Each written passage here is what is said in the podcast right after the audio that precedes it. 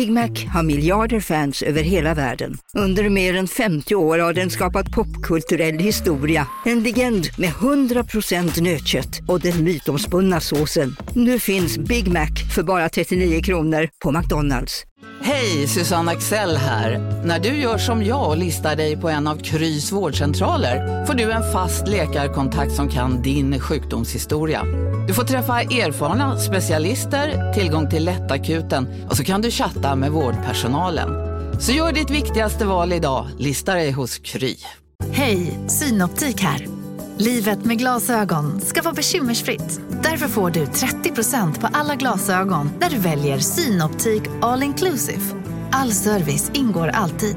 Välkommen till Synoptik.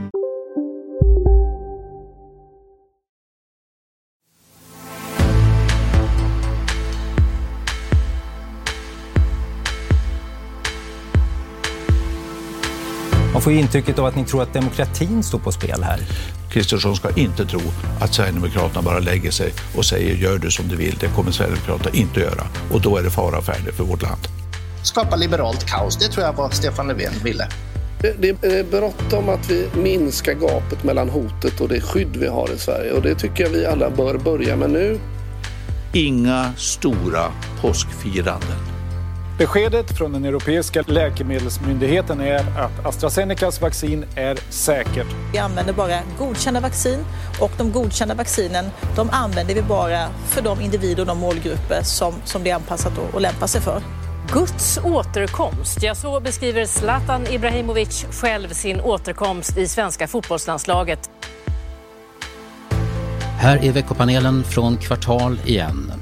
Stefan Löfven ansåg att demokratin kan hotas om moderater och kristdemokrater får bilda regering med SDs stöd. Är det pressfriheten eller domstolarnas oberoende som skulle leva farligt? Och mer på hotfronten. Säpo ser att hoten mot Sverige skärps och talar om tilltagande polarisering som en faktor.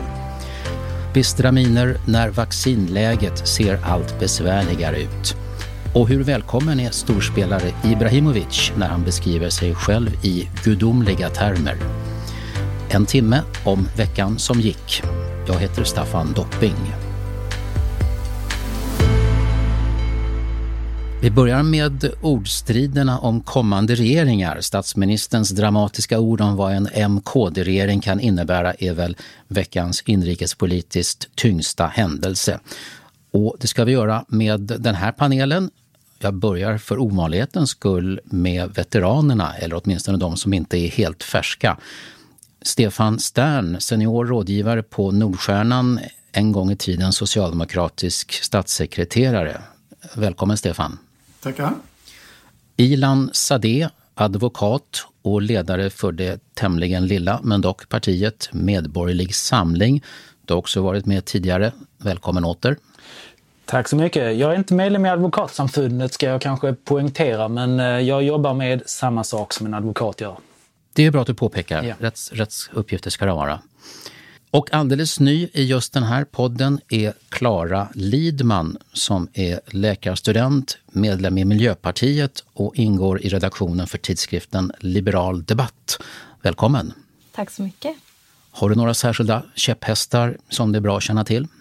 Ja, jag brukar kalla mig för grön liberal som sätter sig i lite rolig sits att kunna vara både ha liksom, ja, i den politiska mitten helt enkelt. Välkommen som sagt var Klara. Vi går rakt in i inrikespolitiken. Vad betyder det som Socialdemokraternas partiledare, Sveriges statsminister, sa om vad som kan vara på gång i det demokratiska Sverige om en MKD-regering trädde till efter valet om ett och ett halvt år?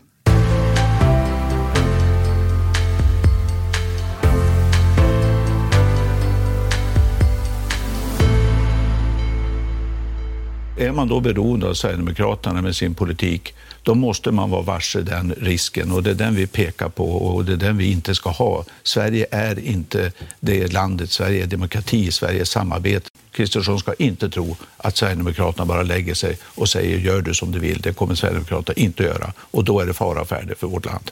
Man får ju intrycket av att ni tror att demokratin står på spel här.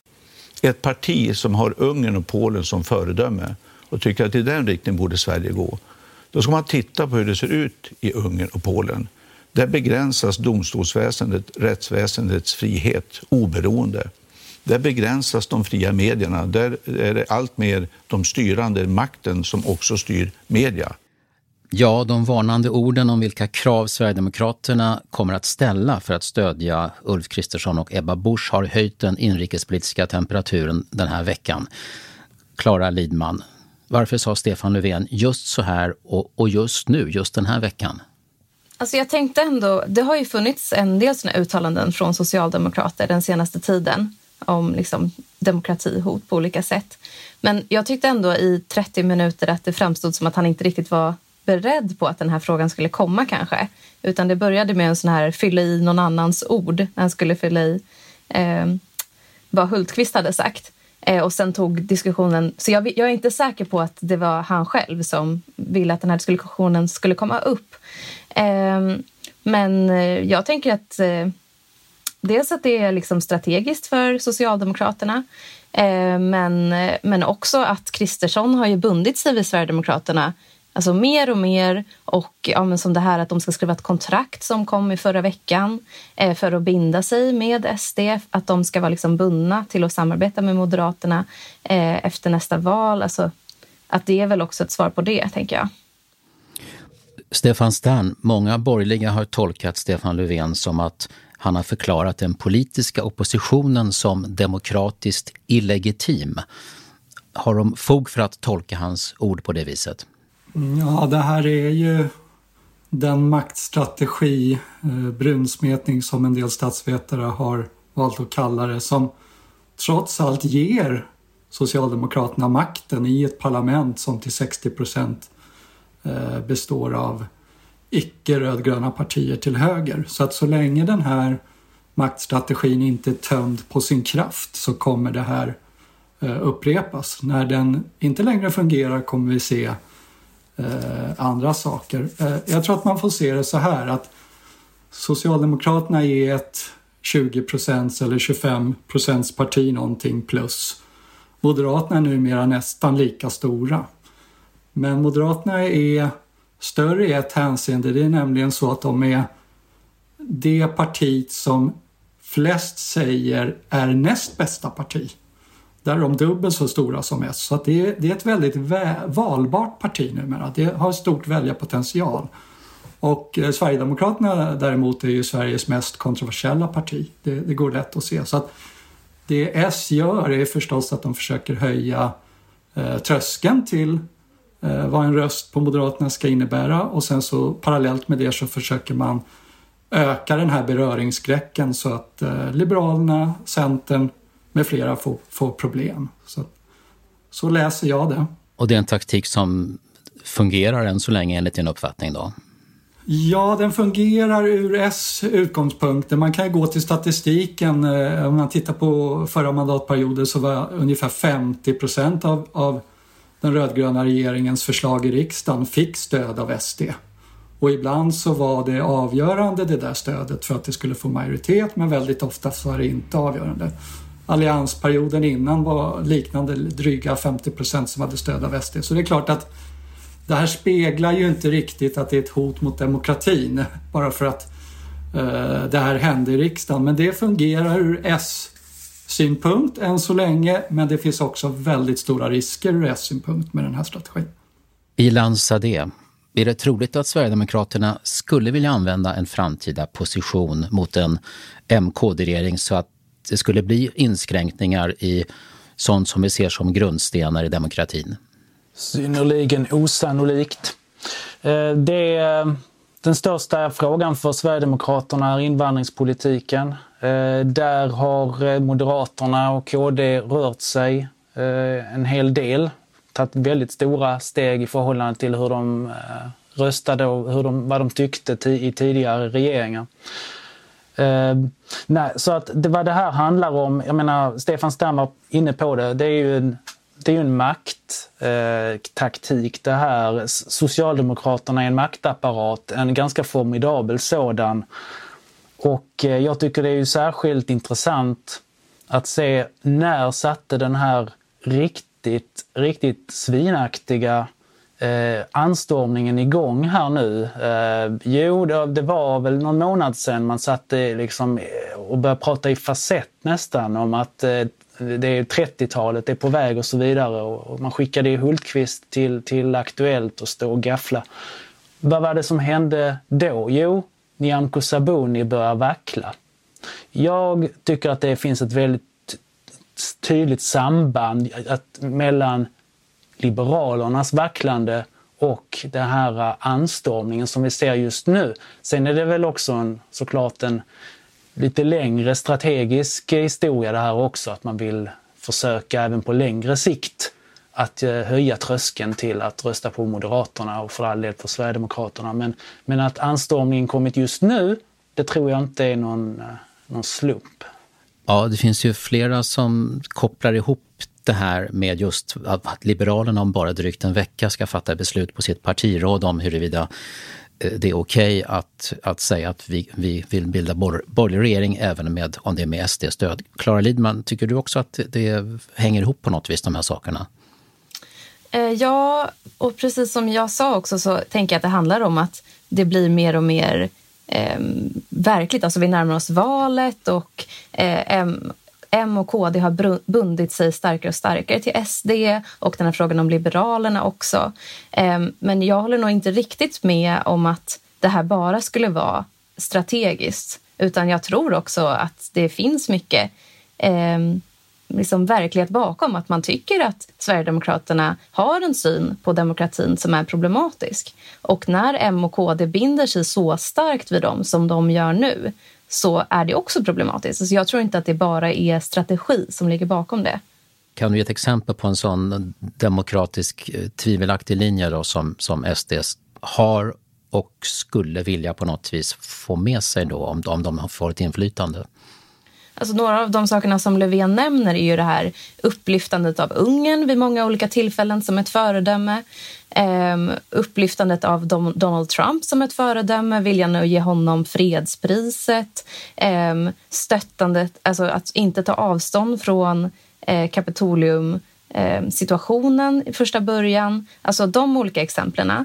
Men sen så om man kommer till den svenska sidan och tänker liksom vår kontext här eh, då är det ju också ja, men, att Sverigedemokraterna har en syn på liksom, folkviljan, att man vill att den politiska makten ska stå stark snarare än den liberala demokratin. Eh, och sen så är det saker som Socialdemokraterna också har tyckt förut så det är på ett sätt lite ironiskt att det är de som är emot det. Att liksom, man ska att den, att den politiska makten ska stå, ha mycket att säga till om helt enkelt. Men stämmer det där med Polen och Ungern? Eh, Jimmy Åkesson sa så här till SVT i veckan. Ungern är inte vår förebild. Jag har aldrig pratat om Ungern vare sig som en förebild eller på något annat sätt egentligen. Jag tycker att Stefan Löfven har en allmänt ovärdig, eh, polariserande retorik. Ungern har aldrig varit vår förebild, sa Jimmy Åkesson här. Ja, men till exempel, Kent e nu tar jag fram en artikel som jag själv tog fram när jag, hade, när jag hörde det här av Jimmy. För jag var så här, ja men jag, jag, har ändå en känsla av att de har sagt såna här saker, men jag skulle kolla upp vad de faktiskt hade sagt. Men till exempel det här att när Jimmy Åkesson skulle välja mellan Angela Merkel eh, och Orban så valde, föredrog han Orban eh, och sa då att han är konservativ och står upp mot EU-federalismen, att det var anledningen till det. Eh, Kent Ekeroth har sagt eh, ett tack till den främsta statsledaren i världen just nu och hänvisar till Orban. Eh, Jomshof har sagt så här, att svenska medier inte fungerar som medierna i Ungern än är beklagligt. Alltså det, det finns såna här kopplingar. Eh, men det är kanske inte något som Sverigedemokraterna vill lyfta fram nu när de vill locka in M och KD. Men jag tänker att det är lite samma sak som det här som har varit uppe nu med liksom, eh, synen på islam att jag tycker inte överhuvudtaget att det är förvånande att SD säger såna saker, för det har de alltid tyckt och det har de alltid sagt. Att det jag tycker är förvånande, det är att Moderaterna blir, för, att de blir förvånade. Det är ju jättekonstigt. Det här är ju 100 procent vad de tycker. Sen tycker ju Sverigedemokraterna själva inte att det är rasism att vara emot islam. Men det är ju alltid det de har tyckt och det är det de fortfarande tycker. Stefan Stern, du du sa nyss att det finns risker för Socialdemokraterna med den här linjen, eh, att agera så här. Vad, vad, vad tänkte du på då? Jo, men det är klart att det finns stora risker också. Jag menar, det finns mätningar som visar att uh, ungefär 40 procent av LO-männen väljer SD. Uh, eh, Medan på S-sidan så, så är det under 30 procent, kanske närmare 25. Och det är klart att det finns ju en risk till exempel att väljarna uppfattar det här som ett eh, angrepp på dem. Att de skulle vara odemokratiska på något sätt eller att de skulle vara eh, rasister. Och det är också en stor risk när allting handlar om Sverigedemokraterna eh, redan. Eh, det har ju hittills bara fått Sverigedemokraterna att växa. Och den socialdemokratiska huvudstrategin måste ju vara att få någon slags höger-vänster-konflikt, alltså man skulle kunna kalla det för socioekonomisk konflikt. Och så länge SD är i fokus så, så, så är vi fast i någon slags sociokulturell eh, konflikt. Men det blir också en högre tröskel senare som S kommer att ha svårt att förklara.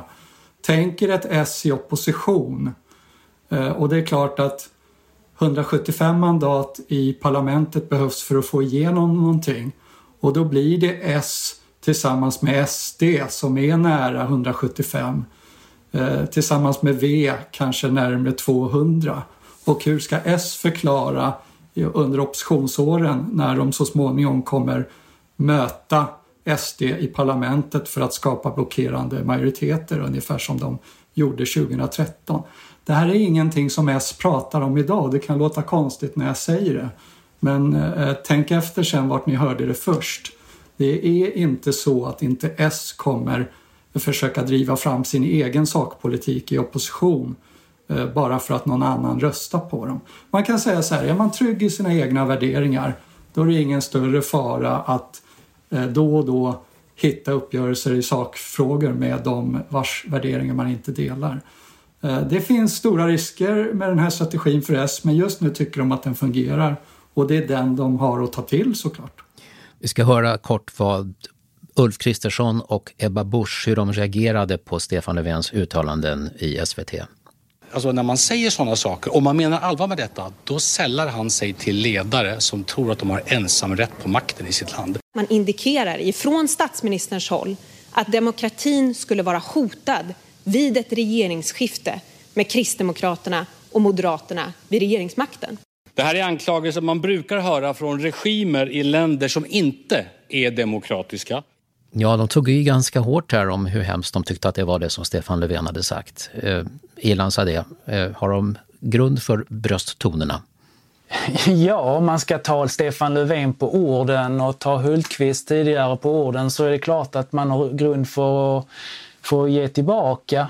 Men återigen, tar man ett steg åt sidan och tittar på det här utifrån så alltså jag överdriver inte om jag säger att om det vore upp till Stefan Löfven själv och en del andra så kallade betongsossar och lite mer traditionella socialdemokrater eh, så har jag, tror jag inte för fem öre att han skulle ha några problem att göra upp med Sverigedemokraterna i en hel del olika frågor.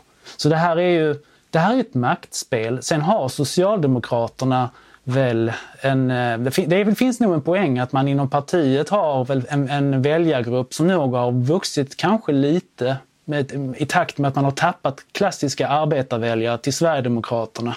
Nämligen eh, lite mer vänsterliberala människor i, i storstäderna. Den gruppen eh, moraliserar ju mer kring de här frågorna, är ju liksom ja, tycker att det här är jobbigt. Och där kanske, de kanske gillar att höra Stefan Löfven hålla på och, och på det här sättet. Men vore det upp till den gamla klassiska betongsossen så hade man lätt kunnat vända på en femöring. Det har Socialdemokraterna gjort tidigare. Det, man glömmer allt som har varit och sen så gör man upp istället när, det, när, man, när den här taktiken inte längre funkar. Och förr eller senare kommer den att, att, att falla ihop. Jag läste en ledartext i eh, Bulletin av Susanna Birgersson, Sluta tramsa om SD. Hennes bild är att där man kan bli pressad om, man, om M och KD bildar regering av Sverigedemokrater är migrations politiken som du var inne på tidigare. Eh, hon skriver så här, vad som inte kommer att hända, vad SD inte ens kommer ta strid för, är att domstolarna politiseras, valdistrikten ritas om, aborträtten avskaffas eller att lokaltidningarna ställs under kontroll av en ny nationalistiskt präglad mediemyndighet. Däremot så kommer det tumskruvarna att, att dras åt när det handlar om migration och inställningen till personer som, som redan har, har invandrat till Sverige, tillgång till, till bidrag och sådana saker. Eh, Klara, vad är din reaktion på det? Alltså jag tycker att eh, man kan kolla på de kommuner där SD har styrt nu. Eh, det är väl en bra fingervisning för att se vad de skulle vilja göra i regeringsställning. Och där är det ju absolut migrationspolitiken en stor fråga, men det är också om man tittar på Sölvesborg till exempel, där Sverigedemokraterna har kommunstyrelsens ordförandeposten. Där, eh, ja, men att de inte vill hissa prideflaggan. Eh, alltså att påverkan på hbtq-politiken tror jag absolut man skulle kunna se. Eh, Sverigedemokraterna har ju alltid varit emot hbtq-rättigheter på olika sätt, även om man har tonat ner det mer och mer. Eh, även till exempel, eh, man har ju start, liksom, inskränkt biblioteken väldigt mycket. Eh, studieförbunden. Eh, alltså man vill liksom styra kulturpolitiken, som det här med att man inte ska finansiera utmanande samtidskonst. Eh, att man vill eh, ja, men man vill inrikta bidragen till studieförbunden så att det bara ska vara sådana verksamheter som har ett integrationsfrämjande ändamål som ska få bidrag. Och både, alltså, det är klart man kan ha en höger och vänsterdebatt om hur mycket bidrag man ska ge till olika verksamheter, vad som ska vara statligt finansierat och inte. Men det Sverigedemokraterna vill göra är ju någonting annat. De vill ju styra innehållet i de, det som man gör med de statliga medlen. Stefan eller Ilan, vad säger ni om det? Ja, eh, där har väl Klara en poäng i att Sverigedemokraterna naturligtvis vill sätta vissa kulturpolitiska avtryck. Eh, men, de, men idag styrs ju kulturpolitiken i väldigt hög grad av en extremt eh, kan vi säga, identitetspolitisk vänsterliberal inriktning. Jag tror inte att Sverigedemokraterna kommer att, att få någon slags eh, ensamrätt att, eh, att hålla på med kulturpolitiken. Men jo, min bild är väl också att de är, de är lite intresserade av de frågorna. Stefan? Nej, men det ligger väl en hel del i, i det. Men bara det här att vi just nu sitter och pratar väldigt mycket om Sverigedemokraterna. Att hela den politiska debatten kretsar kring Sverigedemokraterna. Det, det gör ju ändå att man måste ställa sig frågan om man nu har andra värderingar, är den här fixeringen och det här fokuset på SD, är det, fungerar det? Eller ger det bara SD en språngbräda att växa sig ännu större? Eh, det finns också en dubbelstandard i debatten som jag tror irriterar väljarna. Alltså, ta Vänsterpartiet under den här mandatperioden som har eh, satt sina stora löften kring LAS och eh, hyressättning i nyproduktion Eh, kallat det för ett, ett misstroendelöfte. Det bygger ju helt på att Sverigedemokraterna i riksdagen stöttar V i de två misstroendevoteringarna. Så att det finns en dubbelstandard här. När den ena sidan eh, försöker få igenom sin politik då är det ett stort hot och när den andra sidan eh, nyttjar de möjligheter som finns i, i riksdagen för att få genomslag för sin egen politik, då är det bara naturligt. Eh, jag, jag, tror att, att det här är inte ett fokus som kommer leda till att SD minskar, utan ökar tyvärr. Vi går över till nästa ämne i veckopanelen.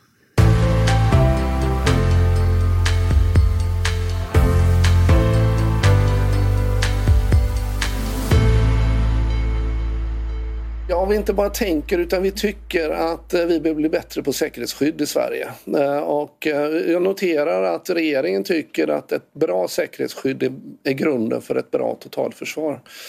Det viktigaste budskapet från vår sida är att det måste få kosta pengar att investera i säkerhet. Mm. Poängen är att det här är inte hot om något som kan komma utan det här är angrepp som sker här och nu hela tiden 24-7. Säpochefen Claes Friberg i Morgonstudion eh, i fredags morse. Säpo är numera helöppna med att de allvarligaste hoten kommer från Ryssland, Kina och Iran. Men Säpo berättar också om att eh, våldsbejakande extremistmiljöer i Sverige använder coronapandemin i sin propaganda och knyter den till ideologiska argument. Och det är fortsatt så att det är ett förhöjt eh, attentatshot från våldsbejakande islamistiska och den våldsbejakande högerextremistiska miljön enligt Säpo. Och den tilltagande polariseringen i samhället och också den polariserande retoriken bidrar till de här extremistmiljöernas miljöernas tillväxt, eh, skriver Säpo. Klara Lidman, vad är din reflektion när du hör Säpochefen sammanfatta hot och säkerhetsläget? Alltså det här vet ju Säpochefen. Han har ju tillgång till annan information än vad jag har. Så jag får väl lita på hans bedömning helt enkelt. Eh, men det som jag har tänkt på kring det här är ju det här ehm, förbudet mot rasistiska organisationer. Det kommer ju en parlamentarisk, eh, det har tillsatts en parlamentarisk kommitté och deras betänkande ska vi komma i, eller de ska komma med ett beslut nu i april, mm. så väldigt snart. Ehm, och där har ju både S, M, C, MP och KD ehm, nu ställt sig bakom ett förbud. Ehm, och det kan man ju tänka att det, den här rapporten från Säpo skulle kunna spela in i, i var de landar någonstans. Och då vill jag bara som miljöpartist säga att jag tycker att det här är ett jättedåligt förslag som man inte borde rösta igenom och inte borde lägga fram. Varför är det dåligt? Man har ju till exempel i Finland nu så har de förbjudit eh, Nordiska motståndsrörelsen. Eh, och då har man ju sett att, eh, alltså framförallt så är sådana här regleringar inte effektiva. Att de har redan startat en ny organisation med ett nytt namn. Mot friheten heter den organisationen. Att det, det fungerar inte och sen är det också um, ur en demokratisk synpunkt märkligt att förbjuda organisationer. Alltså det, blir ju, det angränsar ju mot ås, liksom, åsikts... Eh, att man försöker åsiktsbestämma, eller heter det, inskränka yttrandefriheten på olika sätt, vilket också är problematiskt. Mm. Ilan? Mm. Där är jag helt enig med Clara Lidman. Jag tycker inte heller att det är någon verkningsfull åtgärd och att det faktiskt eh, kanske olika olika personer kan lägga lite olika värderingar i, i vad som egentligen är organisationer som ska vara som, som lever upp till kriterierna. Eh, men sen eh, om vi tittar på den här rapporten från Säpo i stort så ja, jag tyckte väl också, studsade väl också till lite att man, man pekar faktiskt ut vissa stater. Eh, och vi vet naturligtvis att, att de här staterna håller på med, med säkerhetshotande verksamhet. Kina har kidnappat en svensk medborgare i Gui Minhai. Iran ägnar sig åt attentat mot exiliranier, eh, Ryssland eh, förgiftar folk. Alltså, det är ju saker som vi vet men det kanske inte är jättevanligt att man pekar ut, en myndighet pekar ut stater på det här sättet. Så det var väl en, kanske en viss nyhet. Eh, sen när det gäller islamism så eh, vill jag peka på en eh, lagändring som nu kommit till i Danmark när det gäller utländsk finansiering av eh, moskéer till exempel. Eh, att den ska inskränkas på olika sätt om det är utländska stater framförallt som finansierar och där menar jag att Sverige borde absolut införa något liknande. Det är inte med glädje jag säger det men jag tycker egentligen att föreningslivet ska vara ganska fritt från sånt här. Men, eh, men här finns problem när Qatar till exempel pumpar in pengar i en ny moské i Malmö och för att i syfte att det ska eh, då styra över eh, eh, troende muslimer till en mer radikal riktning. Eh, men, sen, men en annan sak som jag tänker på när det gäller det här med finansiering är ju att vi själva får ju sluta att finansiera det här. Vi finansierar ju själva med miljarder till en massa galenskap, bland annat eh, extrema eh, rörelser, eh, trossamfund. Vi har en myndighet som pumpar in pengar i, i en massa olika trossamfund. Men där är det inte miljarder det handlar om i och för sig. På svensk mark är det ju inte så stora belopp. Nej, just, men, men tillsammans om du lägger ihop studieförbund, eh, Myndigheten för trossamfund, eh, MUCF. Alltså vi, vi kan, det finns ju en flora av myndigheter som lägger ihop. Och lägger vi ihop allt det där och kommuner, och regioner och landsting, då blir det miljarder. Stefan Stern, får man skrämselhicka när man hör Säpochefens bild av, av alla hot som finns? Och det pågår här och nu 24-7. Ja, jag tror att det i alla fall eh, hos medborgaren som också är väljaren, det bygger på den här eh, upplevelsen om att otryggheten ökar. Och vi ser ju att eh, de här frågorna växer på den politiska dagordningen med dödsskjutningar varje vecka, eh, de här sprängningarna dagligen och så vidare. Och jag tror att öppenheten i sig tror jag är naturligt.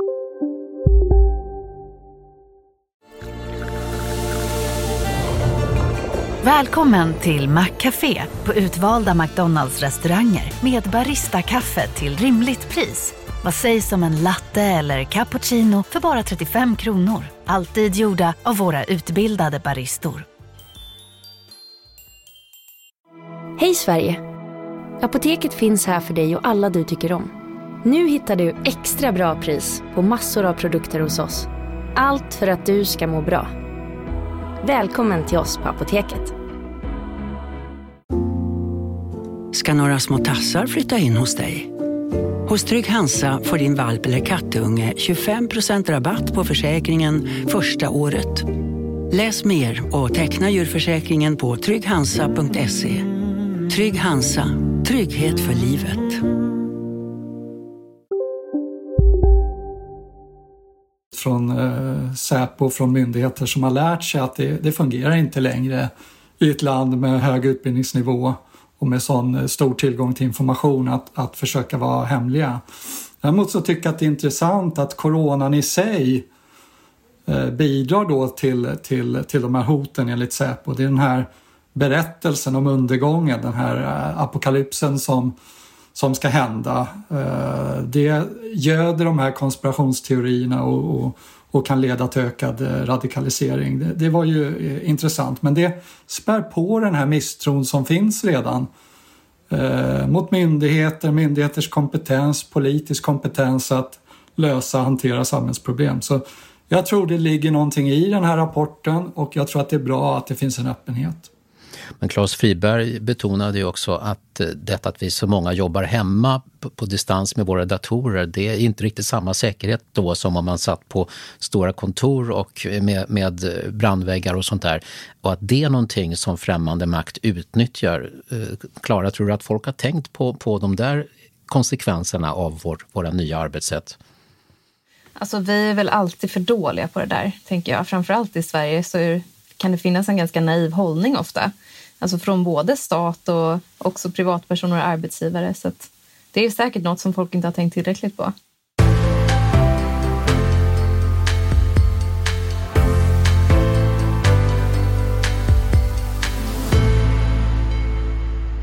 Jag förstår att det här läget är jobbigt. Jag förstår att det tär. Men nu behöver fler göra mer. Inga stora påskfiranden. The committee has come to a clear scientific conclusion. This is a safe and effective vaccine. Jag vill inte göra bedömningen hur säkert det är och hur det ska användas utan det är precis det som Folkhälsomyndigheten ihop med det svenska läkemedelsverket nu behöver lite tid på sig att titta på. Att EMA har sagt att det inte, eller att det är fortsatt godkänt betyder ju inte att det kommer nödvändigtvis att användas antingen på hela befolkningen eller ingen. Så att eh, den frågan lämnar jag till myndigheten att hantera. Ja, det är mycket som rör sig i luften i covid-19-frågan men massvaccineringen är väl för de flesta nummer ett just nu. Och I den här veckan så sades det från offentligt håll rakt ut för första gången att de drygt 12 miljoner doser som Sverige kommer att få under det första halvåret inte kommer att räcka för att klara det mål som har satts upp. Det var Sveriges kommuners och regioners hälso och sjukvårdschef Emma Spak som gav det här beskedet i onsdags. Och nu pågår det något slags förhandlingar mellan SKR och regeringen om en justering av vaccinmålet. Är det här sånt som man får räkna med, Klara eh, Lidman, eller är det ett misslyckande för regeringen och myndigheterna? Alltså jag tycker att mycket av det som eh, Sverige har gjort ändå har varit försvarbart. Alltså både att man inte tog ett nödgodkännande, tror jag var rätt, och, och inte göra det. För att ett vaccin är ändå ett vaccin som tillhandahålls hela, med, liksom hela befolkningen från staten.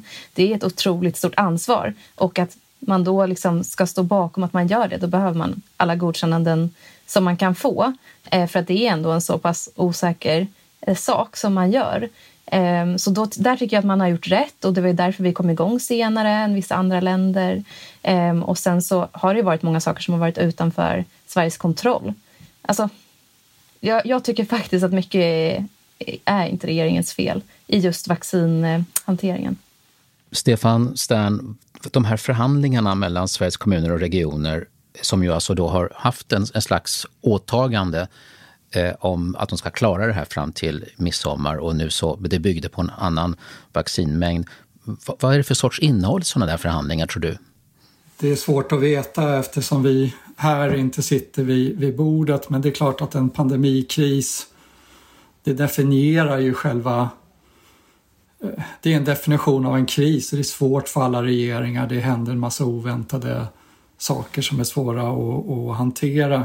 Och jag tror det här med tidsgränsen som diskuteras, eh, det byggs nu upp till en prestigefråga. Där hade regeringen kunnat vara mer snabbfotad så hade det inte blivit lika stora, stora politiska frågor. fråga. Men eh, regionerna och staten de har ju en, en, en uppdelning. Dels så ska regionerna utföra själva vaccinationerna och staten ska se till att få hit vaccinet. Och nu märker de förstås att, att, att det inte har gått så bra som regeringen har lovat och då sätter de sig ner och, och, och tittar på det här. Man kan ju tänka sig till exempel att de diskuterar den här eh, prioriteringsordningen som många andra länder har gått in i, alltså att man ger eh, alla en dos först innan man ger eh, två doser till de som står först i kön. Om man inte tillhör riskgrupp förstås. Men det är ingenting som sägs nu att man planerar utan det, det kastas upp som ett alternativ som är tänkbart. Men det, eller hur? Det, det finns ju inga besked om den saken överhuvudtaget. Det känns som om det är mycket som rör sig hela tiden. Det är mycket som rör sig och, och regeringen eh, har en besvärlig situation. Just eh, vaccinationerna påminner ju om det här med testningen. Att den svenska regeringen eh, var inte framåtlutad, det måste man ju säga. De testade, smittspårade inte som, som, som har visat sig vettigt. Och nu, nu vaccinerar Sverige i en takt som eh, väljarna kanske inte tycker är imponerande. Så det är klart, de sitter i en svår situation. De har en coronakommission som redan har, har gett kritik om den här allmänna smittspridningen och de ska komma med ytterligare betänkanden här inför valåret. Så att jag ser en regering som är i en krissituation, de försöker hantera den och eh, just det här med vaccin kan bli en avgörande pusselbit för dem. Och som om inte det här med att eh, doserna verkar bli för få var nog så stoppades ju tillfälligt injiceringen av AstraZenecas vaccin i veckan efter uppgifter om allvarliga biverkningar i några fall. Blodproppar, blödningar, för lågt antal röda blodplättar hos personer som fått vaccinet. I torsdags kväll sa visserligen EUs läkemedelsverk, EMA, okej okay igen till AstraZenecas vaccin. Men svenska myndigheter behåller ändå den här vaccinpausen ytterligare några dagar, vilket till exempel inte Tyskland gör. Eh, det här gör man för att utvärdera beskedet från Läkemedelsmyndigheten i EU. Ilan Sadeh, vad säger du om turbulensen runt AstraZeneca-vaccinet? Jo, men det är väl rimligt någonstans att, att man, man har en försiktighetsprincip när det gäller sådana här saker. Eh, jag är ju inte den som kan bedöma eh, eh, det här, vem som har rätt så att säga i det här nu med om nu EUs läkemedelsmyndighet säger grönt ljus men Sverige fortfarande är avvaktande tillsammans med några andra länder. Men jag måste ju säga att eh, ska man eh, trycka sprutor i, i liksom tiotusentals och kanske hundratusentals människor med ett visst vaccin och man har eh, frågetecken nu plötsligt kring detta, då, då ska man ju vara väldigt försiktig.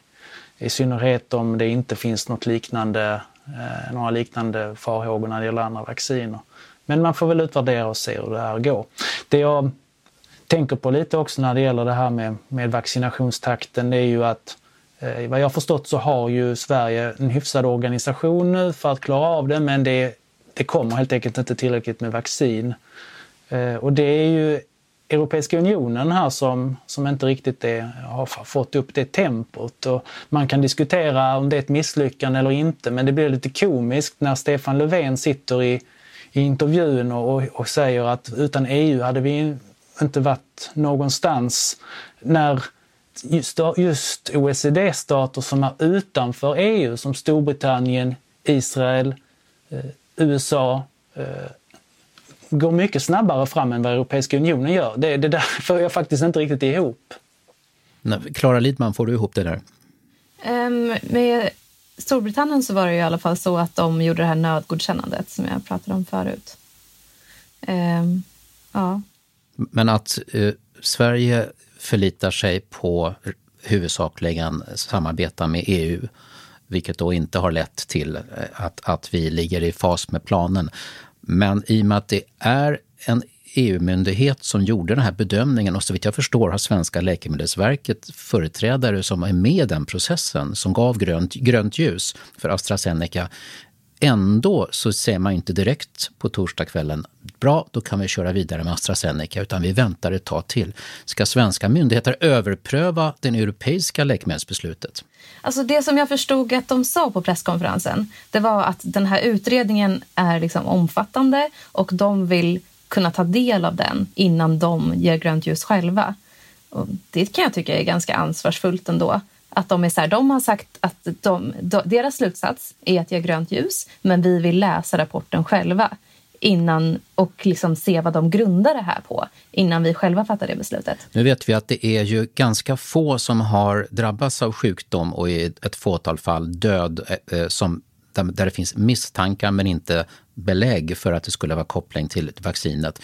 Men det här tycks inte spela så stor roll för en och annan. Aktuellt hade torsdagskvällen enkät med några personer som verkade vilja få sin vaccinering men inte gärna AstraZenecas då. Och så tycks det ju finnas ett ökande vaccinmotstånd generellt i Sverige. Nu när det här, vad tror ni det här får för konsekvenser för just berättigad och överdriven oro eh, för, för vaccin mot covid-19? Stefan Stern?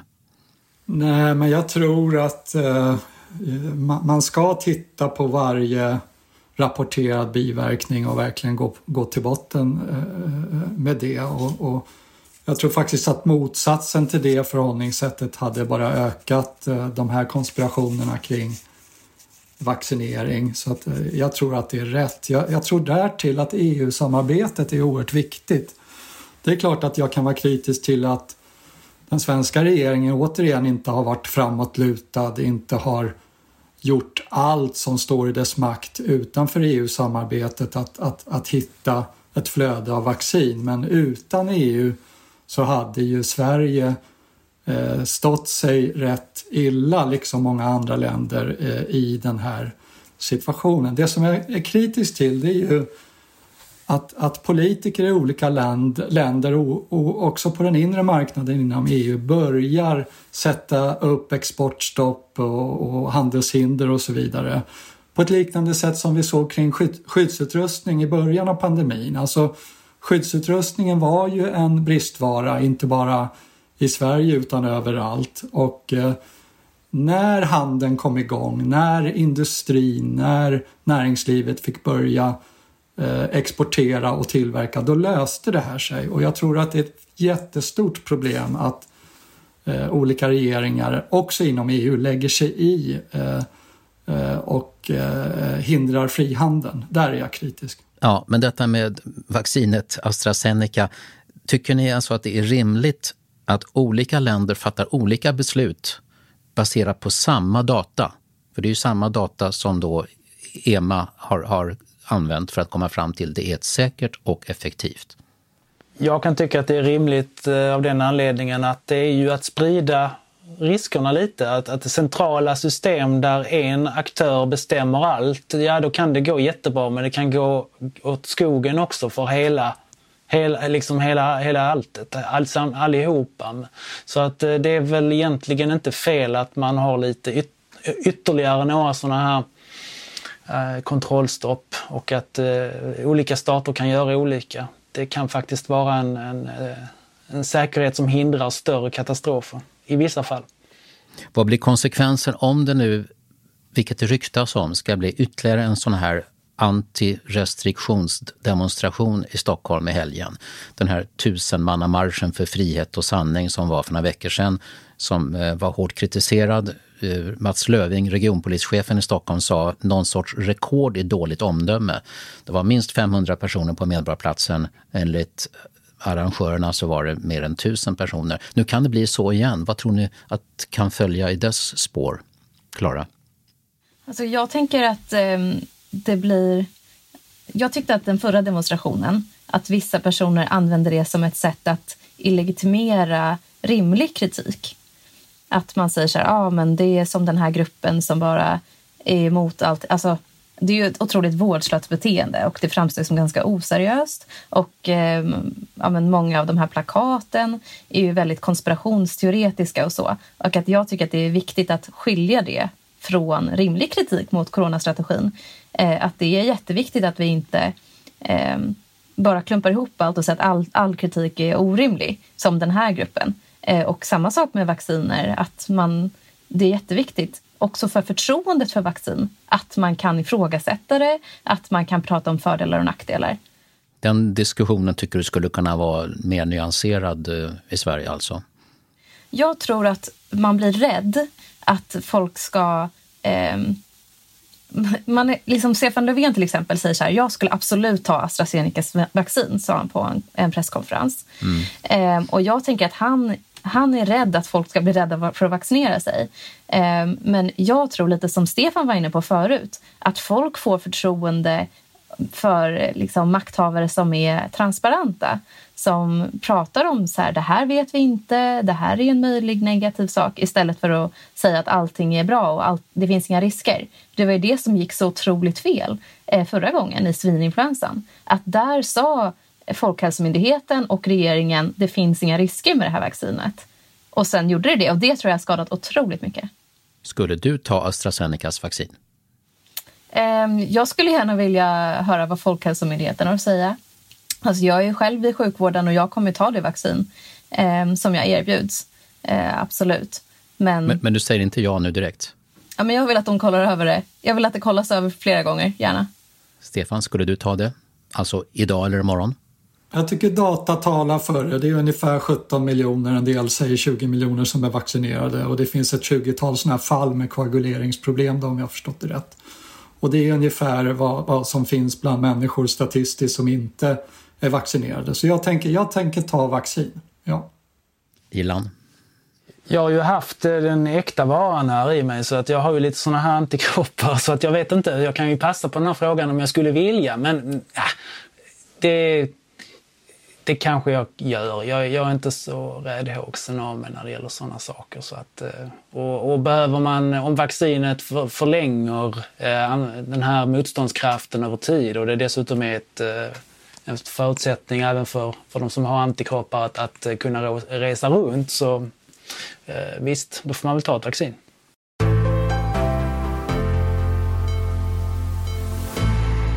Några ord om vad vår publik betyder för Kvartal. Publiken betyder mer än allt det andra, av två skäl. Det är för publiken som vi arbetar varje dag för att få till innehållet i Kvartal och det är publiken som finansierar allt det här. Det är era gåvor som står för fiolerna och därför kan vi fortsätta. Tack! Vi tar en kortis om veckans eh, idrottsnyhet.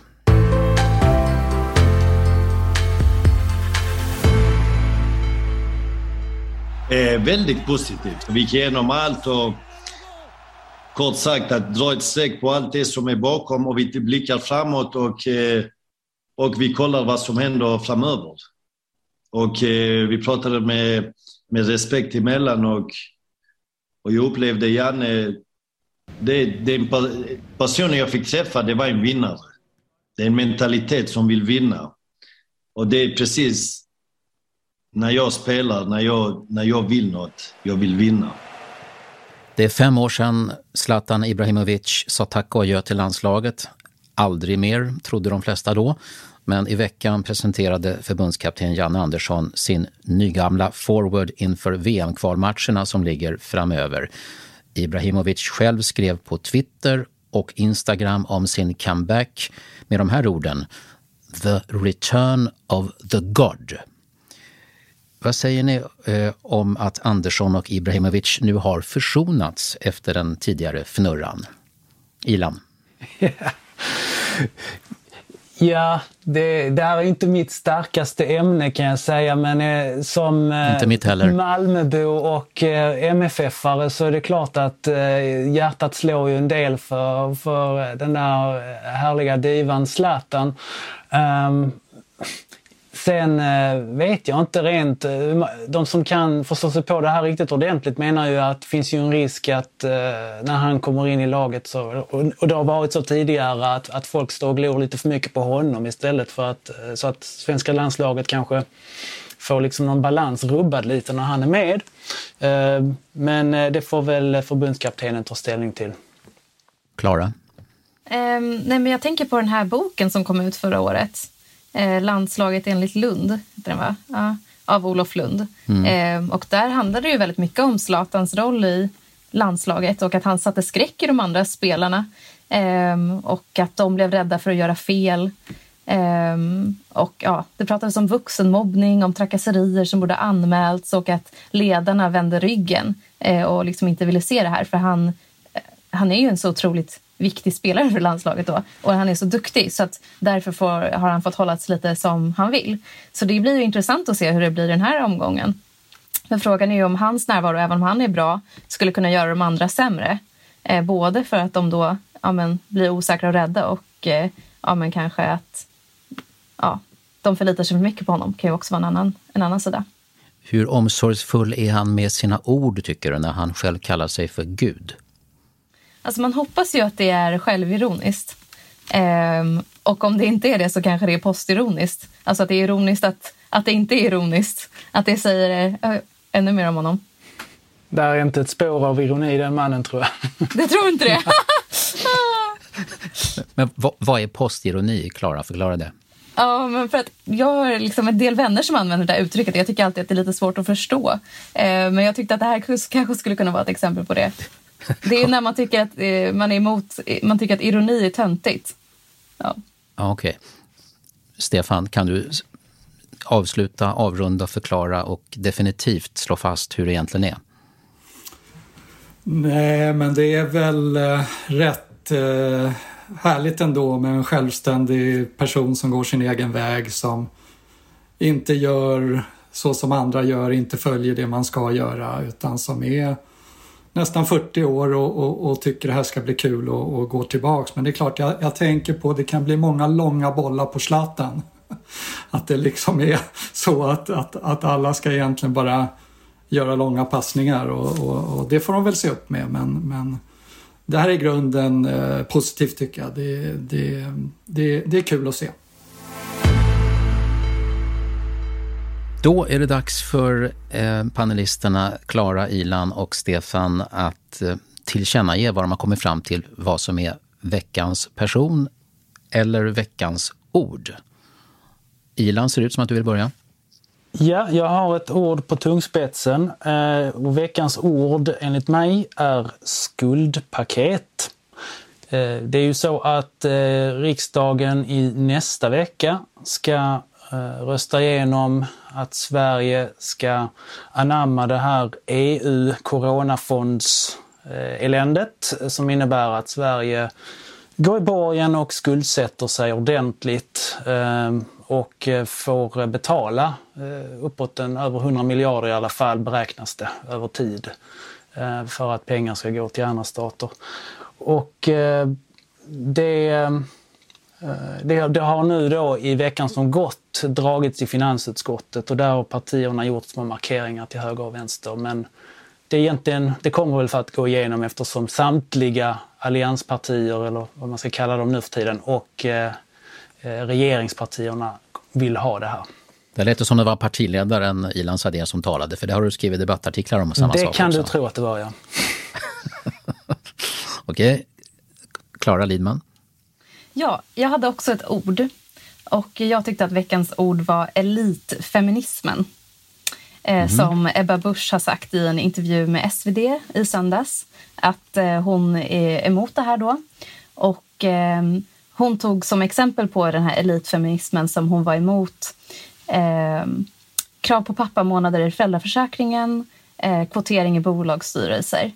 Eh, och sa att hennes alternativa feminism då skulle vara till exempel att prata om arbetsvillkor i äldreomsorgen och eh, ökande sjukskrivningstal bland kvinnor. Och jag ska också sägas att eh, rubriken på den här intervjun var Liberalerna har ingen självklar plats i en borgerlig regering. Och jag tänker att det är väldigt mycket Liberalerna som hon vill markera mot. Och det är ju intressant, just efter, liksom, efter att Liberalerna har öppnat eh, kanske till eh, M, KD och SD. Då vill liksom KD ändå markera eh, mot Liberalerna. Eh, och att jag tänker att eh, hon, liksom, hon vill visa lite den här eh, att hon är emot eh, elitismen eh, och istället för verklighetens folk som Göran Hägglund har sagt och som Ny Demokrati har sagt att även om hon inte säger folket mot eliten så är det liksom det hon vill uttrycka. Och lite det här den sjabblande klassen och att Liberalerna är väl liksom den främsta eh, bilden av det kanske. Att man är, man är inte en del av folket utan man är någon typ av tänkande och tyckande elit. Okej, och eh, Stefan Stern, ditt bidrag i den här sektionen? Ja, jag får väl ta en person då om ni andra tar ord och jag tar en rätt vardaglig sak Eh, Eh, inte de här stora politiska sakerna. Eller poängen är nog att det inte är så vardaglig längre. Eh, det öppnades nämligen en ny restaurang den 15 mars i veckan på gamla biografen Astoria mitt i Stockholm. Där en entreprenör och krögare mitt under pandemin med eh, hundratals, för att inte säga tusentals restauranger och företag som har problem Eh, på grund av eh, kundunderlaget viker när samhället delvis eh, slås ner. Mitt under den här eh, situationen så, så, så satsar den här entreprenören på en ny restaurang och bygger upp ett eh, koncept och som eh, förvisso är en premiumrestaurang bland många andra i Stockholm men jag tycker att det är ett tecken på Eh, framtidstro. Eh, det är en, eh, en, en järv satsning och jag tycker att det behövs nu när eh, arbetslösheten ökar, långtidsarbetslösheten ökar och vi kommer behöva göra mycket framåt i Sverige för att få fart på näringslivet igen. Vilken timing. V vad heter denna entreprenör? Eh, Björn Fransén heter han. Vi talar om den nästan världskände, alltså Guide Michelin Vi talar om en eh, person som har eh, flera restauranger eh, redan och han är, han är hyfsat känd utanför Sverige också. Ja, ja verkligen. Ja, därmed så tror jag vi har gått i mål med att summera den här senaste veckan med hjälp av Klara Lidman, grön liberal som ägnar sig åt läkarstudier. Tack för din debut i veckopanelen. Tack så mycket för att jag fick vara med. Ilan Sadeh som är eh, juridiskt verksam och partiledare för Medborgerlig Samling. Tack för idag. Tack så mycket. Och Stefan Stern, tidigare socialdemokratisk tjänsteman på höga poster, idag rådgivare i näringslivet. Stort tack! Tackar! I fredagsintervjun den här veckan möter Jörgen Wittfeldt journalisten Elaf Ali som har skrivit en bok om sin uppväxt i en hederskultur här i Sverige Redan när hon var 15 var det tal om giftermål. Men Elaf Ali vägrade att acceptera hedersnormerna och lyckades till slut få sin egen far, som tidigare hade varit beredd att mörda, att ändra sina värderingar.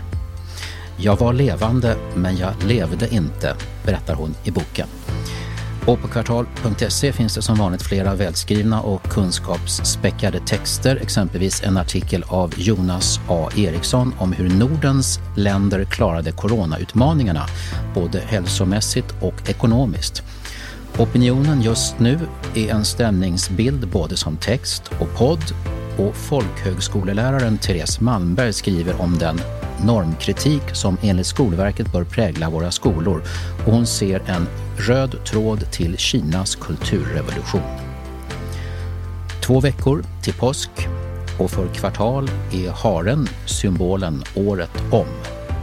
Läs oss, hör oss, stöd oss. Tänk själv.